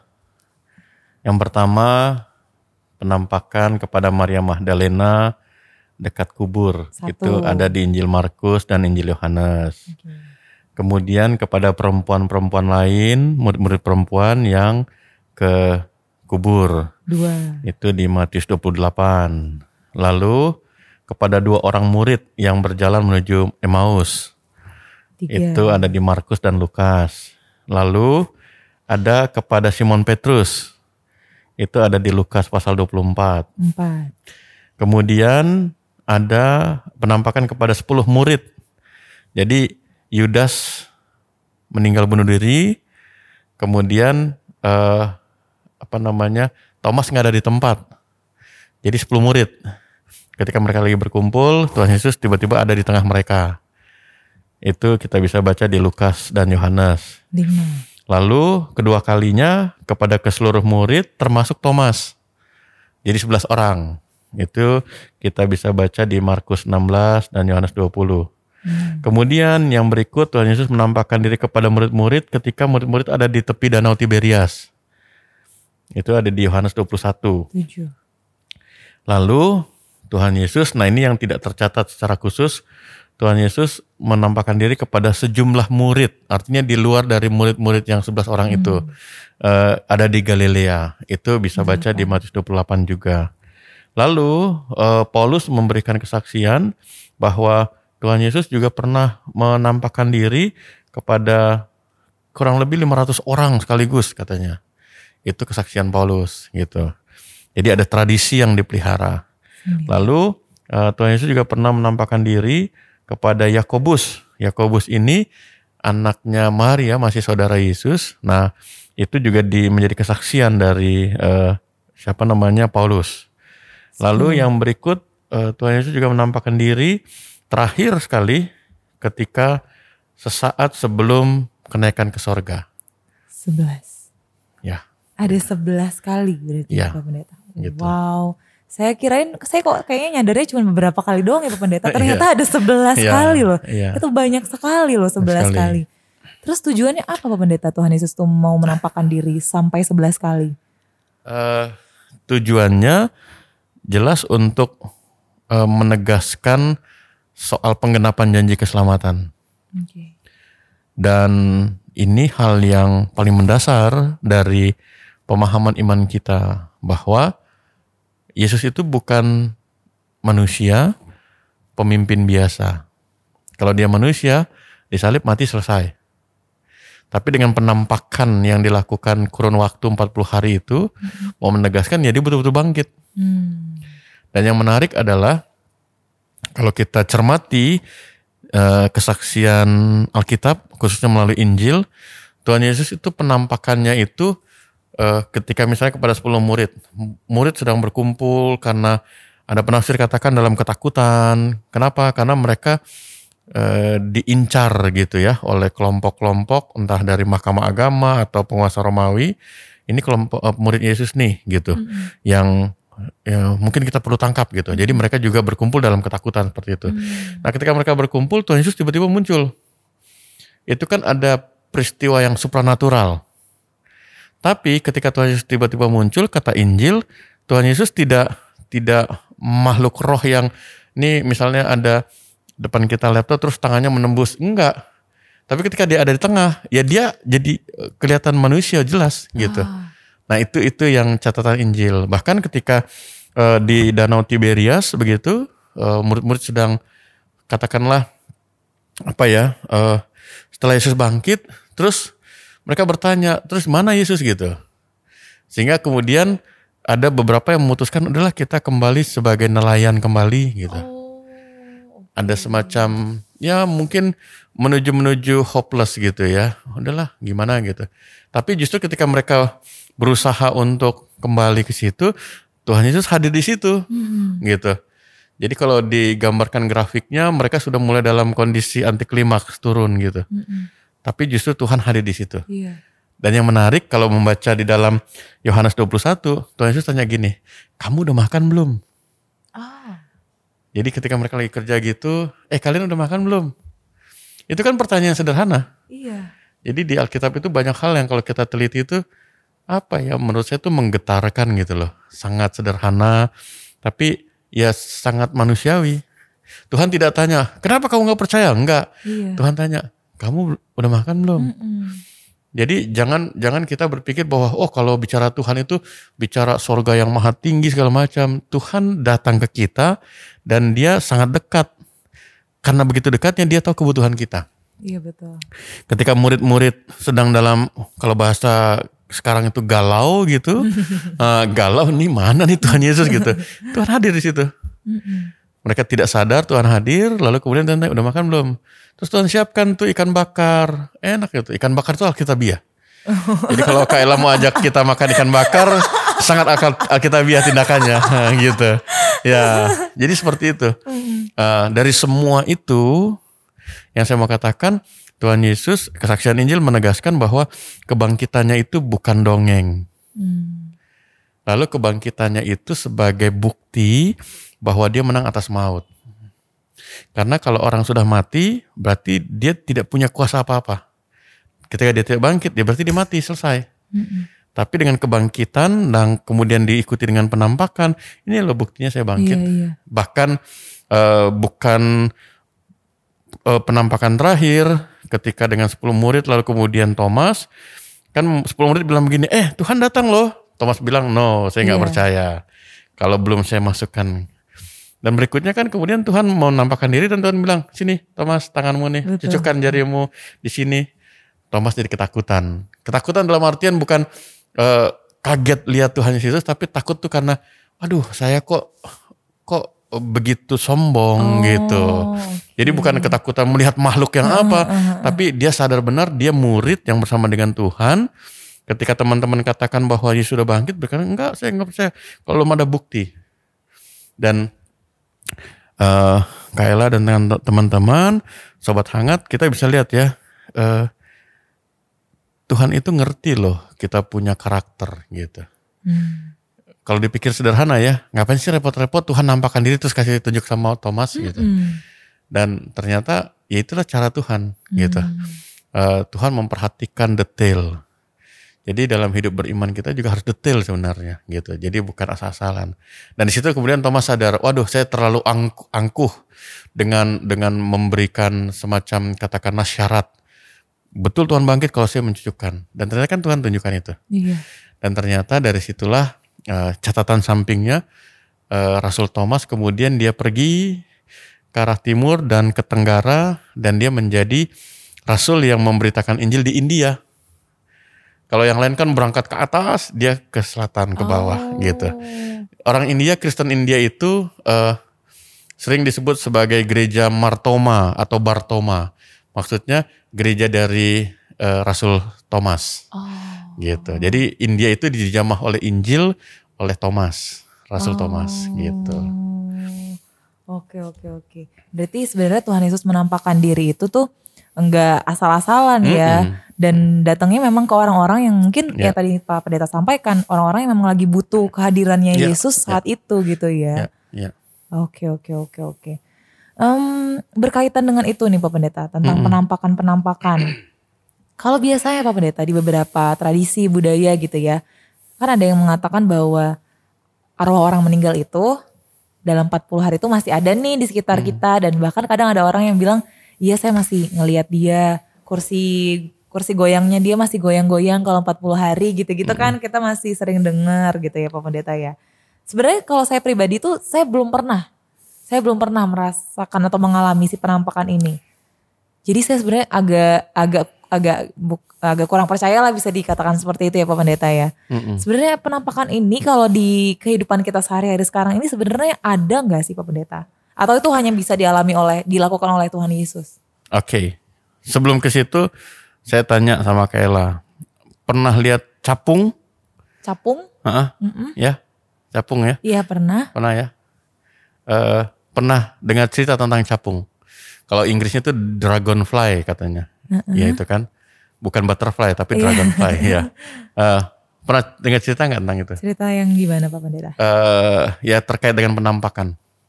Belum belum belum. Oh, saya pernah baca cerita itu. Jadi capung itu eh, nanti coba perhatikan eh, apakah itu terjadi atau tidak ya. Jadi ada satu tradisi mengatakan begini. Biasanya capung itu akan ada ketika ada peristiwa kedukaan. Setelah pemakaman, Oke. nanti akan muncul capung Oh. di rumah. Nah, menurut cerita itu, kepercayaan itu mengatakan bahwa sebenarnya capung itu adalah representasi dari yang meninggal itu. Oh. Gitu. Itu cerita ya. Soal benar atau tidaknya saya tidak tahu Hmm. gitu.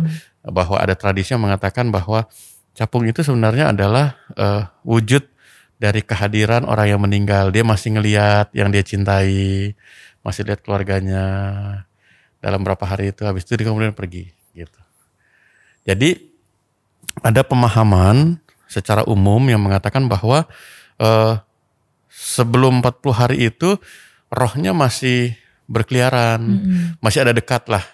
Nanti setelah 40 hari itu kemudian nanti dia akan masuk ke dalam dunia orang mati gitu.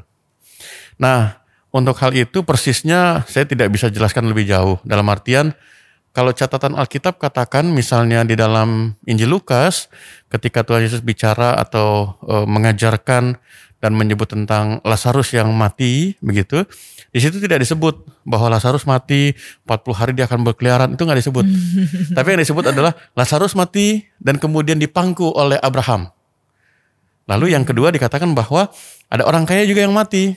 Lalu kemudian orang kaya itu eh, berada dengan situasi yang berbeda dari Lazarus. Lazarus dalam teduh, nyaman, dipangku oleh Abraham. Lalu kemudian kalau yang orang kaya itu dalam suasana yang panas dan lain sebagainya. Jadi eh, mati terus ada dunia yang berbeda Mm-mm.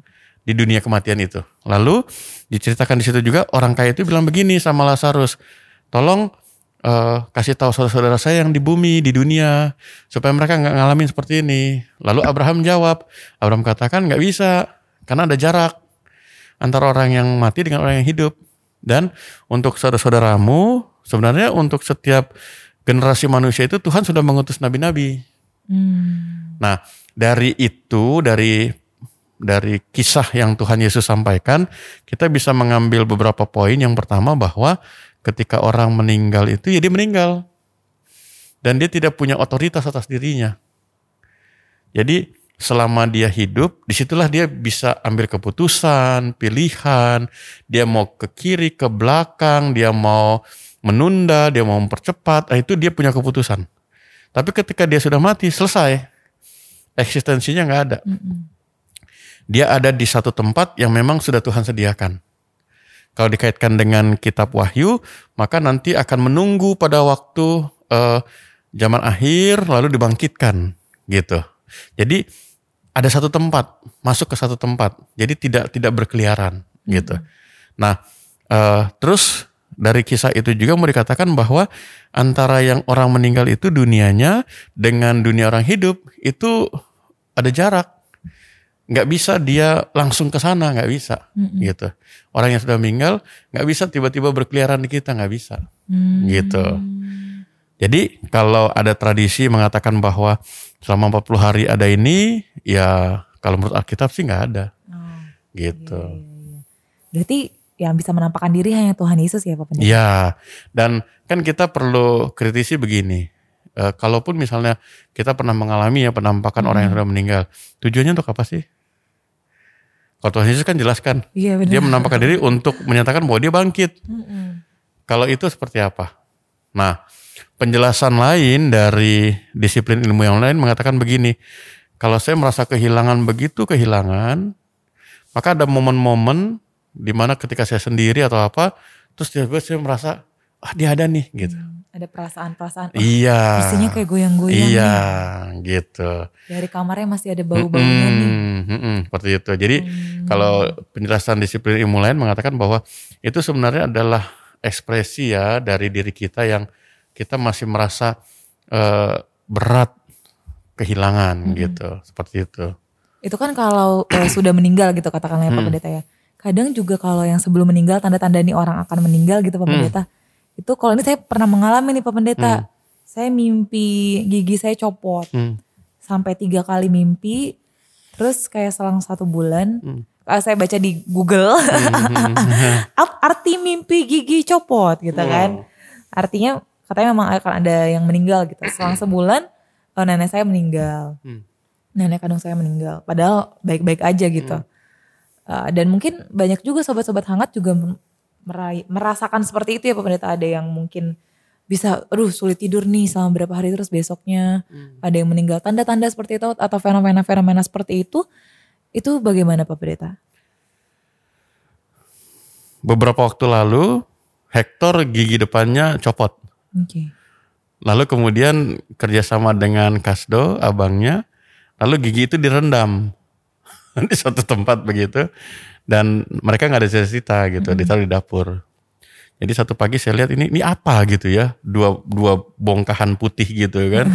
Lalu si Hector jelaskan itu gigi aku pak gitu. Untuk apa? Ya ini nanti dia akan apalah gitu. Jadi rupanya Hector juga menyerap eh, sebuah kisah lah. Eh, bisa dibilang itu sebagai mitos gitu ya. Bukan? Peri ya peritid nah, seperti itu gitu. Terus ya akhirnya kami jelaskan gitu ya bahwa ya ini kan nggak nggak ya nanti kamu kecewa gitu bahwa ini nggak ini cerita gitu. Oh oke ya ya aku juga main-main aja habis itu kemudian dia buang gitu ya. Nah kemudian kalau terkait dengan gigi mungkin kita pernah dengar kalau gigi atas yang copot maka buangnya ke bawah. Kalau gigi bawah yang copot buangnya ke atas Benar, gitu. Kalau buang ke atas jatuh ke bawah juga gitu. oh ya benar juga. Benar Gitu. juga. Iya kan? Nah, jadi memang eh, ada penjelasan seorang pakar teologi mengatakan begini, bahwa itu semua lahir dari eh, budaya ya, budaya. Budaya itu kan bagaimana manusia menginterpretasi kehidupannya. Lalu dari interpretasi itu berusaha membangun sebuah keseimbangan. Eh, lalu eh, pakar ini mengatakan namanya Khonih, dia katakan begini, sebenarnya manusia dengan alam itu kan dia punya satu nisbah, nisbah itu hubungan. Oke. Kenapa? Karena ya memang sama-sama ciptaan gitu. Kita bisa bandingkan eh, di dalam kitab Kejadian ya pasal 3 bagaimana apa maaf pasal 2 bagaimana Adam dan Hawa itu ditempatkan di Taman Eden. Kita bisa baca di situ bagaimana Adam dan Hawa itu bisa berinteraksi dengan seluruh isi Taman Eden itu.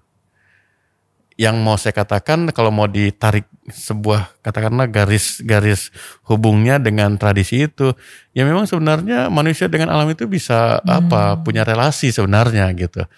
Orang-orang tua kita dulu kan dengan keterbatasan kemampuannya, mereka coba me- menafsirkan gitu ya ketika ada petir, Iya. lalu kemudian banjir, lalu mereka katakan wah ini alam lagi marah gitu. Maka itu kemudian kita coba melakukan semacam doa atau apa gitu ya. Nah itu kan dari budaya. Lalu kemudian gejala-gejala itu diperhatikan lagi sampai kemudian akhirnya menjadi semacam dalam tanda petik semacam katakanlah eh, apa ya kalau saya pakai istilahnya tuh mitos gitu ya Hmm. bahwa kalau gigi tanggal ini tanda tentang ada yang meninggal dan seterusnya. Saya mau katakan begini, itu warisan yang dari kearifan lokal yang menurut saya nih pandangan pribadi eh, tidak tidak harus kita katakan oh itu sesat enggak. Kita apresiasi lah gitu. Artinya tanda-tanda itu akan membuat kita men- menjadi apa? Menjadi lebih bijak menjadi lebih antisipatif gitu ya, menjadi lebih apa refleksi. Ada apa ya? Gimana ya? Saya dari mungkin sejak tahun 2000 2005-an gitu ya. Kalau ada yang meninggal tuh saya selalu mendengar suara burung gagak gitu. Yang ak ak Iya, gitu ya. iya. Dan yang menariknya saya awalnya tidak memperhatikan itu. Hmm. Tapi kemudian eh, tanpa sadar gitu ya, tanpa sengaja saya dengar itu terus besok ada yang meninggal gitu. Terus saya perhatikan eh, ketika bunyi itu lagi, terus saya perhatikan bener kan ada yang meninggal? Eh benar. Hmm. Berikutnya saya perhatikan lagi, dia punya polanya. Ada yang eh, dia punya intervalnya jauh gitu ya, ak, ak gitu. Hmm. Volumenya besar. Ini apa ya gitu. Saya coba pelajari itu. saya pelajari pelajari. Oh ternyata yang kalau intervalnya jauh dan suaranya kecil, ternyata orang yang pernah saya kenal. Oh, oke. Ya, tapi kalau misalnya intervalnya jauh dan volumenya agak besar, berarti saya ken- cukup kenal. Hmm. Lalu kemudian kalau misalnya intervalnya cepat, eh, suaranya nggak terlalu kuat, eh, cukup terdengar gitu ya. Ini itu biasanya dari lingkungan jemaat. Oke. Nah kalau intervalnya cepat dan volumenya besar, itu keluarga. Wow, udah sampai Sampai begitu saya pelajari. Pendeta pelajarin Ya. ya. Dan, dan karena beberapa kali kejadian kan. Hmm, hmm. eh, di satu sisi ketika saya dapatkan kesimpulan itu dan memang benar gitu ya, eh, senang juga gitu ya. Wah nih ada ini nih gitu. Makanya kalau sudah bunyi ini, terus langsung saya ingat daftar orang yang sakit di jemaat gitu. Loh iya kan langsung begitu. Ini siapa nih yang kira-kira Tuhan panggil ya? Karena ini ada tandanya begini gitu. Iya. Dan sebagian benar, bagian besar tuh benar gitu. Tapi yang jadi masalah adalah ketika itu tanda untuk keluarga. Wah, di situ saya stres. Iya pasti. Ini siapa ini gitu kan? Langsung saya biasanya kontak istri, siapa ya keluarga yang ini ya gitu. Dan lama kelamaan akhirnya saya bergumul, saya bilang sama Tuhan, ya dalam doa saya saya bilang ya eh, kalau memang ini dari, tanda dari Tuhan dan membawa damai sejahtera buat semua orang, oke. Tapi kalau enggak ya enggak usah lah gitu. Hmm. Saya juga enggak berani juga gitu. Akhirnya nanti kan jadi kalau denger itu saya jadi parno juga Iya, kan, jadi juga. seperti itu. Nah, yang menarik tanda itu itu saya bisa dengar ketika kami bertugas di Singapura tuh ada suara itu. Oke. Kan kalau Singapura itu kan eh, dunianya tuh sangat lo- logik banget gitu kan. Terus kalau yang namanya burung-burung kayak gitu rasanya jarang burung-burung gitu. Oh, Jarang, tapi terdengar. tapi terdengar. Jadi jelas gitu. Jadi memang menurut saya ini sesuatu yang tidak biasa ya. Hmm. Tidak biasa makanya eh, ngobrol dengan istri lalu ya digumuli ya kalau boleh eh, Tuhan ya janganlah gitu. Mm-mm. Soalnya ya nggak nyaman juga gitu, nggak nyaman juga. Nah, jadi ketika bicara dengan tanda-tanda itu di Alkitab sendiri sebenarnya ada beberapa kisah yang eh, Tuhan tuh memberi tanda. Yang beberapa tem- beberapa figur ya, tokoh misalnya Yusuf gitu ya. Dia waktu kecil sudah diberi tanda lewat mimpi Hmm. dengan bintang-bintang, Oh, iya. matahari dan bulan Iya. gitu kan.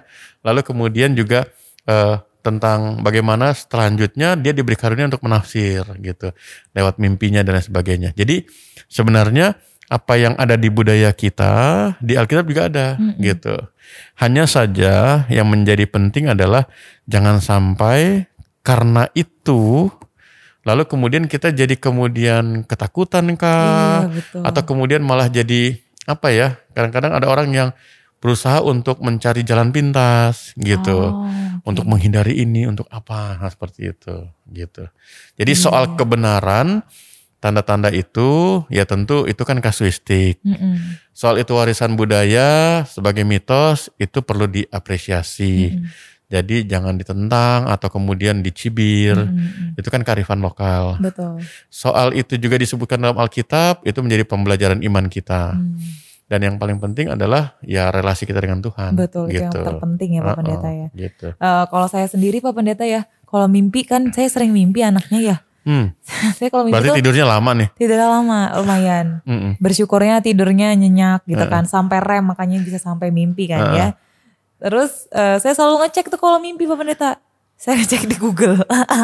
ini artinya apa? Ini artinya apa? Nah dan terkadang betul seperti yang Pak Pendeta sampaikan. Kadang tuh kalau dia artinya buruk, saya jadi kepikiran Ah, gitu. Makanya sampai ke arah sini, makin ke sini saya makin memutuskan bahwa udahlah nggak usah dicari lah, anggap aja itu sebagai bunga tidur gitu. Iya, iya. Berarti ini artinya Pendeta ini sebenarnya nggak ada hubungannya sama penampakan yang ini kan ya Pak Oh enggak, ya? enggak. Nggak ada Sama sekali, sama sama sekali sekali ya. enggak ada kaitannya. Karena kalau yang tadi kita bicarakan, baru saja kita bicarakan, ini kan upaya manusia dan budaya ya dari manusia yang coba menafsir gitu. Tanda ini apa gitu ya, tanda ini apa.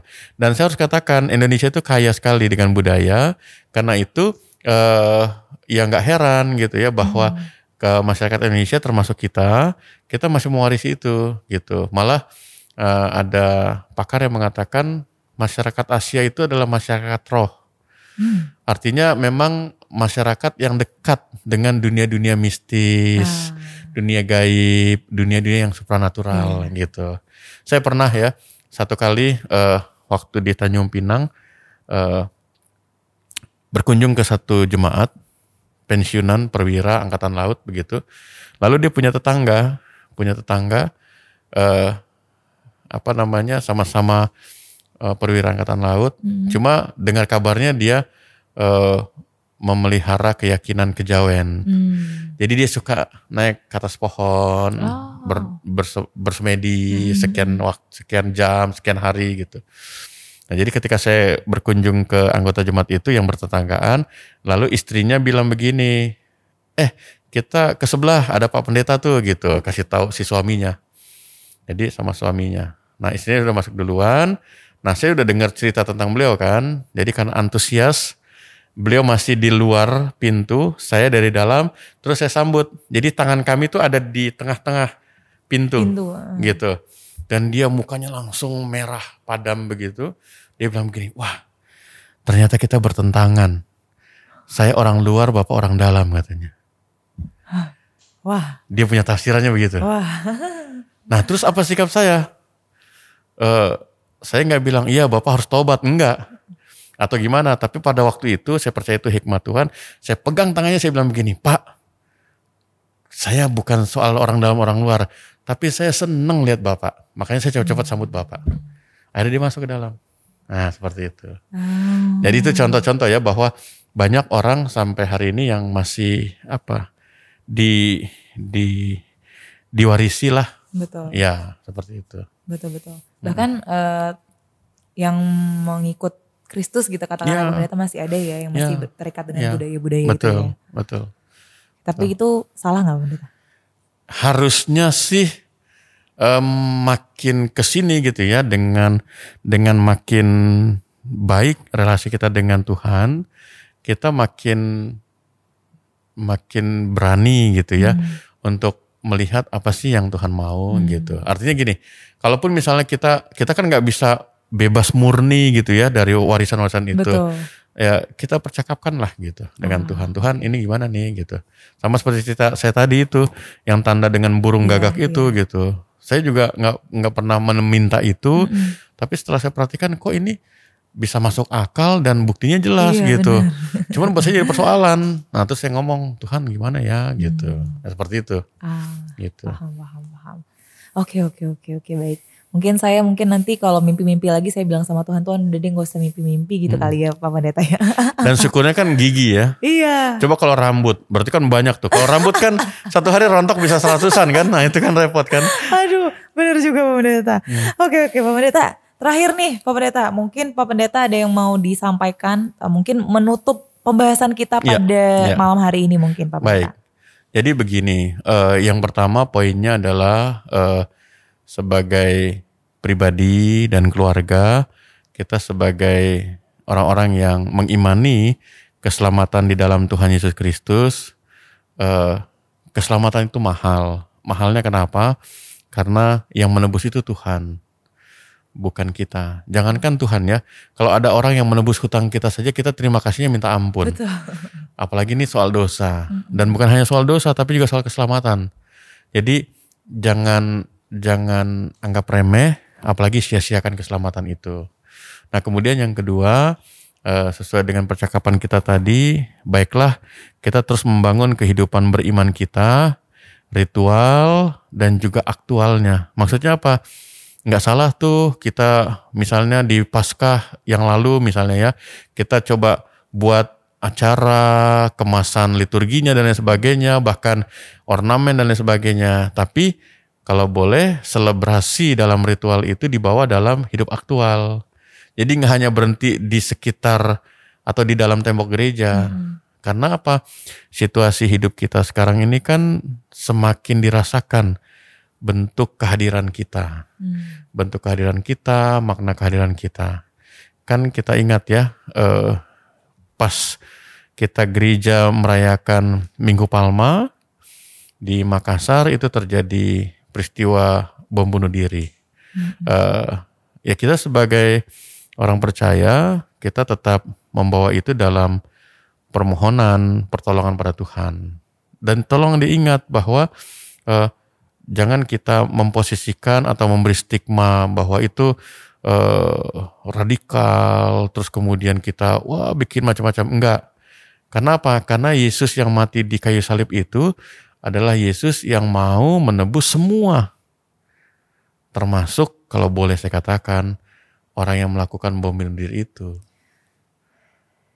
nah kita kan jelaskan pesannya kan jadi kalau Tuhan meluaskan anugerahnya tidak ada alasan untuk kita untuk mempersempit anugerah Tuhan Iya. begitu. Nah itulah sebenarnya panggilan kita. Kalau kita mau merayakan Paskah, kan ada istilah Natal itu harus setiap hari. Nah harusnya Paskah juga setiap hari. Di mana kita hadir, di mana kita ada, di mana kita beraktivitas, kita bekerja, kita studi dan lain sebagainya, maka harusnya kehadiran kita membawa kehidupan. Dan kehidupannya bukan kehidupan yang kotor, tapi kehidupan yang bersih. Itu saja Kak Ella. Wah, mantap. Selamat Paskah ya Kak Ella. Selamat Paskah Pak Pendeta, selamat Paskah juga sobat hangat semuanya. Aduh, kali ini mantap sekali nih semua pertanyaan-pertanyaan saya kayak udah berulang kali menyebutkan ini ya. Semua pertanyaan-pertanyaan saya yang selama ini saya sangat amat penasaran Pak Pendeta tentang rangkaian Paskah itu sudah terjawab pada malam hari ini dan mudah-mudahan sobat hangat yang juga penasaran juga terjawab dan Pak Pendeta pasti terus terbuka ya Pak Pendeta ya Oh, untuk iya, pertanyaan-pertanyaan iya, iya. Tambahan lainnya. Iya, iya. Mana tahu abis dengerin ini tiba-tiba muncul Ada yang ini, pertanyaan boleh, aneh-aneh boleh, gitu kan. boleh. Boleh ya ditanya boleh. langsung ya. Oke, seperti yang tadi Pak Pendeta sampaikan, semoga kita semuanya bisa terus merayakan Paskah Ya. dalam setiap hari kita. Selamat Paskah, Tuhan Yesus memberkati. Sampai bertemu di episode selanjutnya. Dadah.